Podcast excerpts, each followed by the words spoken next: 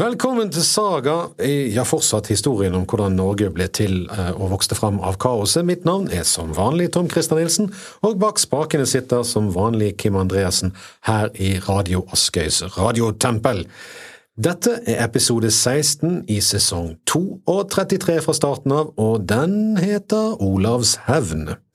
Mm, det høres skummelt ut, og det er det. Denne podkasten kommer til deg gratis, annet fordi Radio Askøy og Kim Andreassen stiller studio og tekniker til disposisjon. Hurra for det! For de som husker sist episode, så er nå vesle Olav Tryggvason tatt som trell i Estland sammen med sin venn og kompis Torgils, sønnen til morens beskytter, Torolf Luseskjegg, som altså er faren til Torgils. da. Og moren, Astrid, er også tatt som trell, altså moren til Olav Tryggvason. Torolf han ble bare drept, og ingen vet hvor moren er akkurat nå. De er egentlig på vei til onkelen Sigurd Eiriksson, moren Astrids bror, som er i tjeneste hos kong Valdemar i Gardarriket, men nå er de altså blitt tatt av estiske vikinger og trellbunden på veien. Hvordan skal dette gå? Olav er altså havnet på gården til en reas, og øh, der blir han godt behandlet. Men en dag merker Olav at det er uro på gården. Tønner med korn settes ut, og andre eiendeler gjemmes vekk. Inn på gården rir et stormannsfølge. Mannen i spissen er kledd og væpnet etter norsk skikk, mens resten av følget tydelig er fra Gardarriket. Sånn som Olav nå har lært å kjenne de igjen etter en stund i Estland. De er skatteoppkrevere som har kommet for å hente skatten som kong Valdemar, Valdemar av Gardarriket skal ha fra disse områdene. Den lille gutten går kjekt frem og hilser høvisk på høvdingen i front og sømmelig på alle. Høvdingen undres litt nå, og han spør gutten. Jeg hører at du, du kommer ikke herfra. Du er utlending her, jeg, jeg hører det på måten du snakker, og, og utseendet ditt er ikke som folk herfra. Hva heter du, og hva er ætten din, og, og hvor kommer du fra? Jeg heter Olav, ætten min er fra Norge, der ble jeg født, og faren min heter Trygve, og moren min Astrid Eiriksdotter av Obrestad. Høvdingens øyne utvider seg, han blir veldig stille. Kan det være… Nei, men jo, navnet, moren, utseendet, språket, er det mulig? Denne høvdingen er nemlig Sigurd Eiriksson, Astrids bror. Det er et utrolig sammentreff. Sigurd er sendt for å samle inn skatter for Valdemar, akkurat til det stedet der Olav er trell. Og Sigurd er smart nok til å ikke vise tydelig hva slags forhold de to har. I en sånn situasjon hadde ingen bebreidet han om han hadde tatt gutten med vold. Det er tre tanker som kverner i hodet til Sigurd nå. Kan dette være rett? Skal jeg ta hevn ved å angripe gården, eller skal jeg forsøke å få en minnelig ordning og bli litt mer sikker i min sak? Han spør gutten videre ut. Hvordan kom du hit, og hvordan står det til med deg? Olav forteller om reisen og angrepet der han og moren ble tatt og Torolv ble drept, og Sigurd spør, vil du bli løst fra den tvang du nå er i? Det høres ut som et dumt spørsmål, men, men han spør. Jeg har det mye bedre enn før, for Reas, han som eier meg nå, sier Olav, behandler meg godt, men jeg vil likevel bort herfra, men på én betingelse. En betingelse? Og hva er det? Sigurd smiler litt i skjegget, ja, det, det tyder på at han er Astrid sin sønn, ja. At Torgils fosterbror min også blir fri. mm, tenker Sigurd. Følg med meg til herren din, sier han. Reas tar imot Sigurd og følger med så mye glede en kan forvente når en skatteoppkrever kommer på besøk. Og straks begynner forhandlingene. Sigurd sier «Jeg så to utenlandske gutter og dersom de tilhører deg, så vil jeg gjerne overta dem. Reas svarer, den eldste av dem selger jeg gjerne. Det er altså Torgils. Men den yngste vil koste deg dyrt. Du må love på dyd og ære at du aldri selger han videre for noen pris og gi ham full frihet. For Reas er nemlig blitt glad i denne Olav. Gjør ham så dyr du bare vil, sier Sigurd, jeg skal kjøpe han på de vilkårene. Jeg har ikke tenkt å selge han videre, for jeg har snakket med han og skjønt at dette er frendegutten min. Det snakkes, det forhandles, det drikkes, og på slutten av denne kvelden så får Sigurd kjøpe Torgils for én mark gull, og sin nevø for elleve marker gull. De har steget i pris siden Klerkon solgte de for en geit, og Klerk solgte de for to kapper.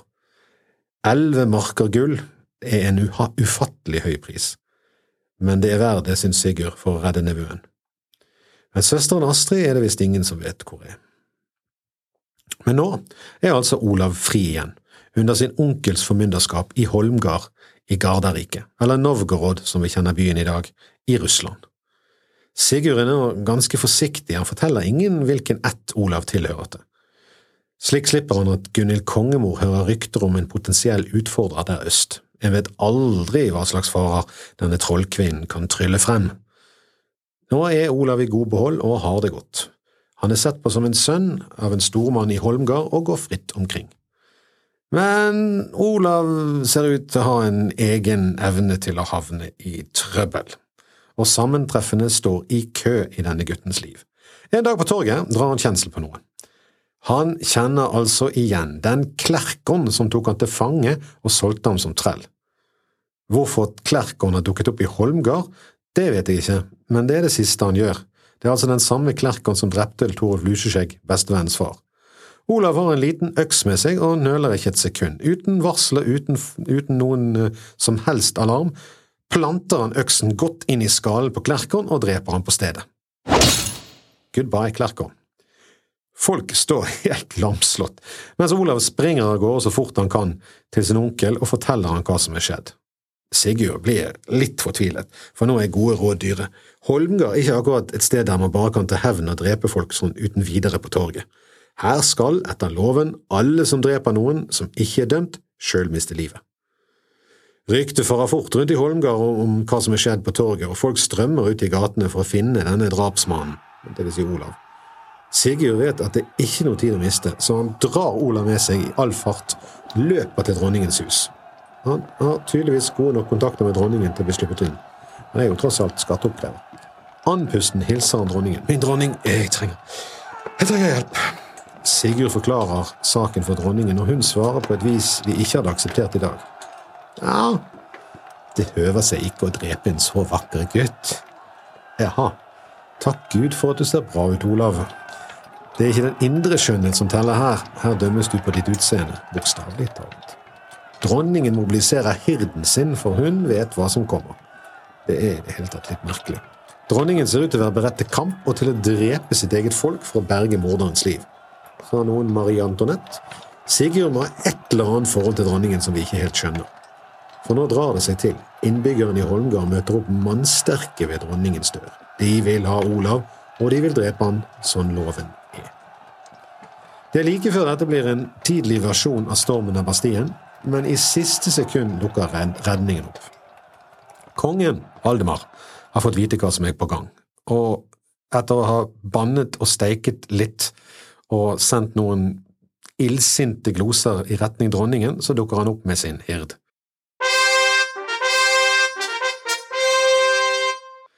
Vi har vikingtidens Mexican standoff i stedet.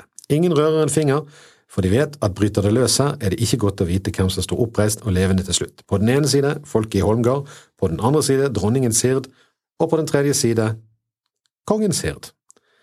Men spenningen stiger og stiger, trer kongen frem. Han virker å være en klok mann, denne Valdemar, som også vet at happy wife, happy life.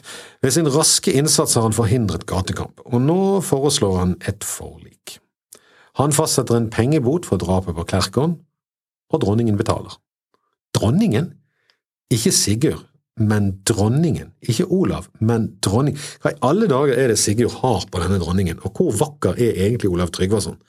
Vel, uten Se og Hør og selfies så er det vanskelig å si, men alle roer seg kraftig ned etter at dronningen rett og slett har gitt alle litt penger. Sånt hjelper. Men det er et problem til. Kongs sønner har ikke lov til å bo i Holmgard med mindre de får lov av kongen. Så etter at han har fått dronningen til å mobilisere hirden sin klar til å slåss mot eget folk, og fått henne til å betale boten, så overtaler jammen sigerne til å be kongen om at Olav får bli i landet i tillegg, og hun gjør det. Kongen er ikke blid etter siste runde, og vi kan se, hvordan, øh, se, for oss hvordan han holder på å eksplodere. Men Valdemar er som sagt en klok mann, og igjen happy wife, happy life. Men, men hva er det Sigurd har på denne dronningen? Det viser seg at det kanskje ikke er det som er saken, nemlig hva Sigurd har på dronningen. Du husker kanskje den spådommen fra Valdemars gamle mor som vi snakket om i en tidligere episode. Hun var ikke den eneste som drev og spådde om Olav. Det var en spådom til, og den var nyere. Noen spåmenn mente å ha sett at fylgene til en ukjent mann var kommet til landet. Fylgene er vel, eller var, eller er, varslerånder. De åpenbarer noe som skal skje, eller skal komme til å skje. Vi kjenner det blant annet eh, gjennom ordet vardøger. Vi tror vi hører noen gå i døren når vi venter besøk, og så er det ingen ennå. Det er vardøger.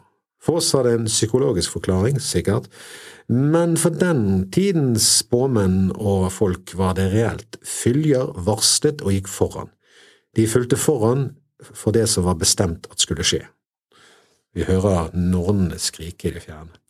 Fyllingene til denne mannen var så store og lykkebringende ifølge spåmennene at de aldri hadde sett noe slikt før. Det skinnende lyset som skinte over ham, ville stråle i Garderike og andre steder i verden, mente de. Det skal ikke mye til for å ane at dette er Olavs skytsengler en forsøker å mane fram her. Det strålende hvite lyset fra Jesus Kristus, jomfru Maria og englene som følger ham. Når dronningen, hun heter altså Arlogia, får se Olav, kjenner hun spådommen og får høre om hans opphav, da skjønner hun at det er han de har spådd om. Eller skjønner, hun får det i hvert fall for seg. Det er jo komplett oppspinn og tøv, men hun går på. Spådommen er jo at han kommer til å vinne Garderike stor heder og seier. Tje, det er jo slett ikke en dum ting, og det er mer logisk å ta sjansen på det, selv om det er en liten sjanse å ta, enn å la være. Troen på en hærfører som er forutbestemte seier, kan i seg sjøl trekke til seg krigere og inspirere en hær.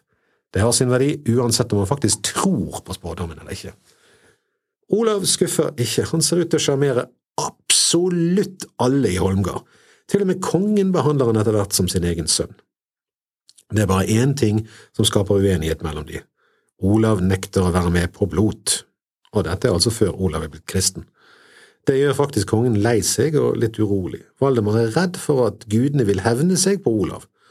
Valdemars uro kan ses som, som på et bilde at, på at hele Olavs liv herfra ut er et frempeik en kamp mellom hvitekrist og åsatro. Om det er Odin eller Jahve som skal stå igjen som seierherre, om folket skal følge Thor eller Jesus, det vet ingen ennå. Vi kan se det for oss som en kamp mellom menn og deres tro, men også som en kamp i Pantheon, der himmelens herskarer utfordrer Åsgårds æser og einherjer. Det neste Olav gjør er ikke særlig kristent. Han går i viking, eller amok, alt ettersom. Skipene og mennene til å gå amok med får han av kong Valdemar. Har du noen fylker eller byer som før tilhørte garderiket, som andre nå har tatt? Olav trenger et påskudd for å krige mot noen. Eh, Valdemar mislikte det spørsmålet litt, kanskje av flere grunner, men måtte til slutt innrømme at ja, det, det, det er jo noen. Han peker de ut, og Olav går i gang med prosjekt Tilbake til Garderiket.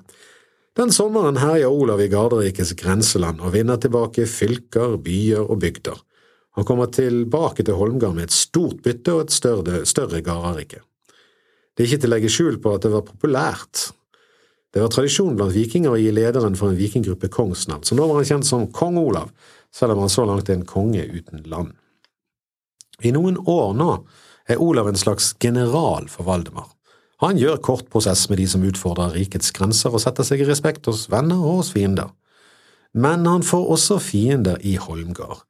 Ikke alle er fornøyd med at en utlending blir så mektig og holder sin egen hird. Det hviskes og det tiskes bak Olavs rygg. Det er litt som en nominasjonsprosess i lokale og nasjonale politiske partier. Han har et godt forhold til dronningen. Svært godt forhold til dronningen. Om han er i et forhold med dronningen, vet vi ikke noe om, men kong Valdemar blir i alle fall urolig nok. Er det sjalusi, eller er det uro for hvor stor makt og prestisje Olav er i ferd med å oppnå? Som en hærfører som tydeligvis er langt bedre som hærfører enn Valdemar sjøl. Det hjelper ikke på saken at Olav formelt er en del av dronningens hird, og det er en slags innbyrdes konkurranse mellom kongen og dronningen om hvem som var den beste og største hirden. Akkurat nå ser det ut som dronningen vil vinne det anbudet. Olav merket at kongen ble stadig mer mutt og gretten mot ham. Han er smart nok til ikke ta noen sjanser denne gangen. Det er ganske ukarakteristisk for Olav og antyder vel at situasjonen var noe mer prekær enn sagaene beskriver. Kanskje har kong Valdemar litt mer å gå på av bevis. Dronningen protesterer i alle fall ikke når Olav spør om lov til å dra. Høye dronning, jeg tror jeg må jeg tror jeg, jeg tror jeg vil dra til Nordland. Det er ting som tyder på at jeg vil lykkes best der, eller i alle fall ha større sjanse for å overleve om jeg kommer meg langt vekk herifra. Og vekke Olav, så fort som fy. Med seg tar han de raskeste skipene og de beste mennene i Gararikes hær. Jøss. Yes. Olav reiser rett vestover. Det, det er ikke så mange andre alternativer, egentlig. Og der lå Bornholm i veien. Dette første mulighet Olav har til å herje helt for egen vinningsdel, uten å være på oppdrag for kongen av Garariket. Han griper muligheten, han må nesten det. Han kan ikke seile i det uendelige med vikingflokken sin uten å gi de noe å røve. Det får Bornholm unngjelde for. De blir liggende der til uvær jager de mot Vendland. De går fredelig fram i Vendland og holder seg i ro, og handler sannsynligvis med venderne med bytte fra Bornholm og det de har tatt med seg fra Holmgard, og eventuelt. Dixin er rådgiver til dronningen som styrer denne delen av Vendland. Nå står han på en høyde og ser denne vikinghæren holde hoff i deres land. Han har sine små spioner der nede, og mot kvelden kommer de og forteller ham hva som holder på å skje. Han snur straks og rir tilbake til dronningen. Min dronning, sier Dixin, ukjente menn med mange skip har kommet til lands hos oss. En ypperlig mann av ære og utseende høvding, de kaller ham Olav Gerske. Olav Gerske betyr rett og slett Olav fra Gardarike. Den dronningen vi nå møter, er Geira. Hun er datter av kong Borislav og søster av Astrid og Gunhild. De som husker godt fra tidligere episoder, vil huske at dette er de søstrene som ble giftet bort til jomsvikingen Sigvalde og kongen av Danmark. Geira er egentlig enkedronning, hun styrer etter sin mann, og det kan se ut som Dixin har en baktanke, for maken til lovprising av en annen mann har vi aldri hørt, verken før eller siden. En mann med en slik fremtoning har jeg aldri sett, han er stor av vekst, og hele kroppen hans er så velskapt og fager som enhver mann ville ønske seg. Det er som Dixin spiller rollen som Kirsten Giftekniv, ellers er det et skikkelig man-crush vi har snakk om her. Dronningen liker jo selvfølgelig det hun hører, hvorfor skulle hun ikke det? Hun inviterer rett og slett Olav til å overvintre hos henne, og som sagt så gjort. Og det ender som det må ende, etter å ha tilbrakt vinteren i hverandres selskap under varme feller, så gifter de seg.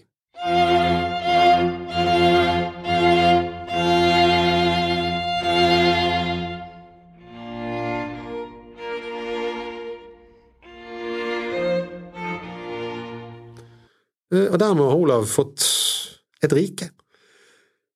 Eh, det kommer ikke som noen overraskelse at Olav stiller det samme spørsmålet til Geir han stilte til Valdemar. Er det noen byer eller fylker som har blitt eh, borte fra riket ditt? Å jøye meg, skulle du sett, jammen, svarer Geira at hun savner noen byer og bygder og borger. Olav er pur glede og setter straks i gang med å få borgene inn i Follen igjen. Det var kanskje ikke så populært hos de som befant seg i og forsvarte disse borgene, men Olav viser igjen sine hærførerevner. Byer faller som fluer. Eh, men så holder det på å gå galt. Olav og vikingene kringsetter en by, men denne gangen ser det ut som de skal få den uten kamp. Innbyggerne smigrer med flotte ord og inviterer han inn i byen så lenge han vil love de grid, altså å få lov å overleve og få fred. Olav liker det han hører veldig godt, og lover de det så lenge de fortsetter å lovprise han.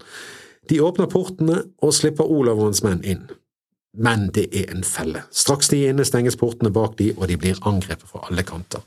Og denne gangen kommer Olav på defensiven. Det ser kort og greit ille ut. Men det kan ikke ha vært verdens største borg og høyeste bymurer, dette. Olav får med seg mennene sine og klatrer eller hopper opp på bymurene innenfra.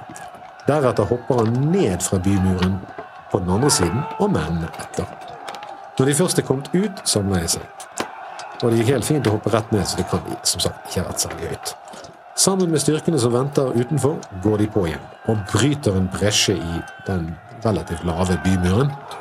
Gjennom denne bresjen kommer de seg inn i byen og dreper for fote. De dreper alle mannsbarn i byen og brenner byen ned til grunnen.